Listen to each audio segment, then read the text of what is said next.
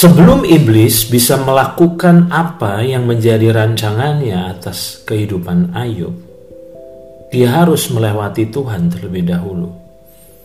Dan ternyata sebelum Tuhan mengizinkan untuk iblis mencobai Ayub, maka ada dua hal yang Tuhan pastikan. Dan kebenaran ini penting untuk saudara dan saya ketahui karena dua hal ini juga akan menjadi pertimbangan Tuhan sebelum mengizinkan kita dicobai. Yang pertama, apakah kita mampu melewatinya? Dan percayalah, yang paling tahu seberapa besar kemampuan kita yang sesungguhnya bukan diri kita, tetapi Tuhan. Mengapa? Yang pertama, karena Dia adalah pribadi yang menciptakan kita dia yang paling tahu seluk-beluk hidup kita lebih daripada diri kita mengetahuinya. Sebagai pencipta dia tahu persis seberapa besar sebetulnya kekuatan kita. Yang kedua, mengapa dia yang paling tahu kekuatan kita? Karena memang dia tinggal, dia hidup dalam diri kita. Nah itu sebabnya sering kali ketika kita melihat hari esok yang penuh dengan tantangan, yang penuh dengan kesulitan, kita sering kali ragu, kita sering kali takut, dan sering kali pertanyaan kita adalah begini, apakah saya nanti mampu melewatinya? Saya mau katakan, semua yang terjadi dalam hidup kita itu harus atas seizin Tuhan. Dan Tuhan tidak akan pernah mengizinkan satu masalah terjadi dalam hidup kita yang melebihi kekuatan kita. Bukankah itu yang dia katakan? bahwa pencobaan-pencobaan yang kita alami sebenarnya adalah pencobaan yang biasa yang tidak melebihi kekuatan kita. Berarti dengan kata lain, sebelum iblis bisa melakukan apa yang dia inginkannya, apa yang dia rancangkannya dalam hidup saudara dan saya, maka Tuhan memastikan hal yang pertama, bahwa semua itu tidak melebihi kekuatan kita. Tuhan tahu persis bahwa sebenarnya kita bisa melewati itu. Bukankah Tuhan selalu bersama dengan kita untuk memberi kekuatan kepada kita. Itu yang pertama. Yang kedua, Tuhan tidak akan pernah mengizinkan satu masalah terjadi dalam hidup kita.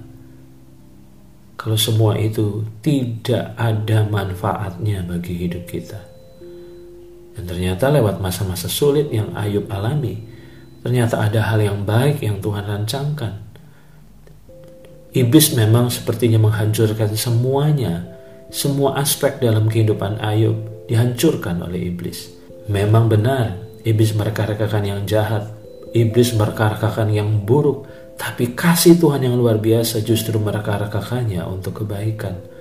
Dan kebaikan apa yang sebenarnya Ayub dapatkan lewat pencobaan-pencobaan yang dia alami itu? Bahwa ternyata lewat semua itu, ternyata Ayub mengenal pribadi Tuhan. Ayub sendiri mengakui bahwa ternyata sebelum mas, sebelum masa-masa sulit yang dialaminya, dia cuma hanya mendengar Tuhan dari kata orang. Tapi setelah melewati masa-masa sulit itu, justru dalam masa-masa sulit itulah, justru Ayub mengalami pengenalan akan pribadi Tuhan. Itu sebabnya selalu ingatkan dirimu bahwa semua yang Tuhan izinkan terjadi dalam hidup kita selalu harus melewati dua hal. Yang pertama, bahwa semua itu sebenarnya tidak melebihi kekuatan kita. Yang kedua, bahwa Tuhan memastikan bahwa lewat semua yang sepertinya buruk yang iblis kerjakan, justru ada yang luar biasa yang kita bisa dapatkan lewat hal itu. Dan kalau rancangan iblis itu tidak memenuhi dua syarat ini, percayalah bahwa Tuhan sebagai Bapa kita tidak akan pernah mengizinkannya. Dan kalau Bapa tidak mengizinkannya, maka percayalah, iblis tidak akan pernah bisa melakukan apa pun atas kehidupan saudara dan saya. Melewati masa-masa sulit ini. Terus ingatlah bahwa pencobaan-pencobaan yang kita alami tidak melebihi kekuatan kita. Jangan berkecil hati, jangan tawar hati, karena sebenarnya bersama dengan Tuhan, kita memiliki modal untuk bisa melewati semua ini bukan sebagai orang yang lemah, melewati masa-masa sulit ini, Tuhan mempercayai kita. Dia mengenal kita bahwa sebenarnya kita mampu menanggungnya. Yang kedua, Tuhan melihat bahwa ada hal-hal yang baik yang kita justru akan peroleh lewat hal-hal ini. Ucapkan syukur dan kagumi betapa Tuhan luar biasa.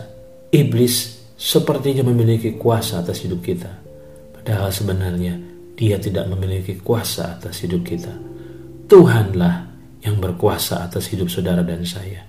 Milikilah rasa aman dalam hatimu bahwa ternyata hidup kita ada di bawah kendali Tuhan sepenuhnya.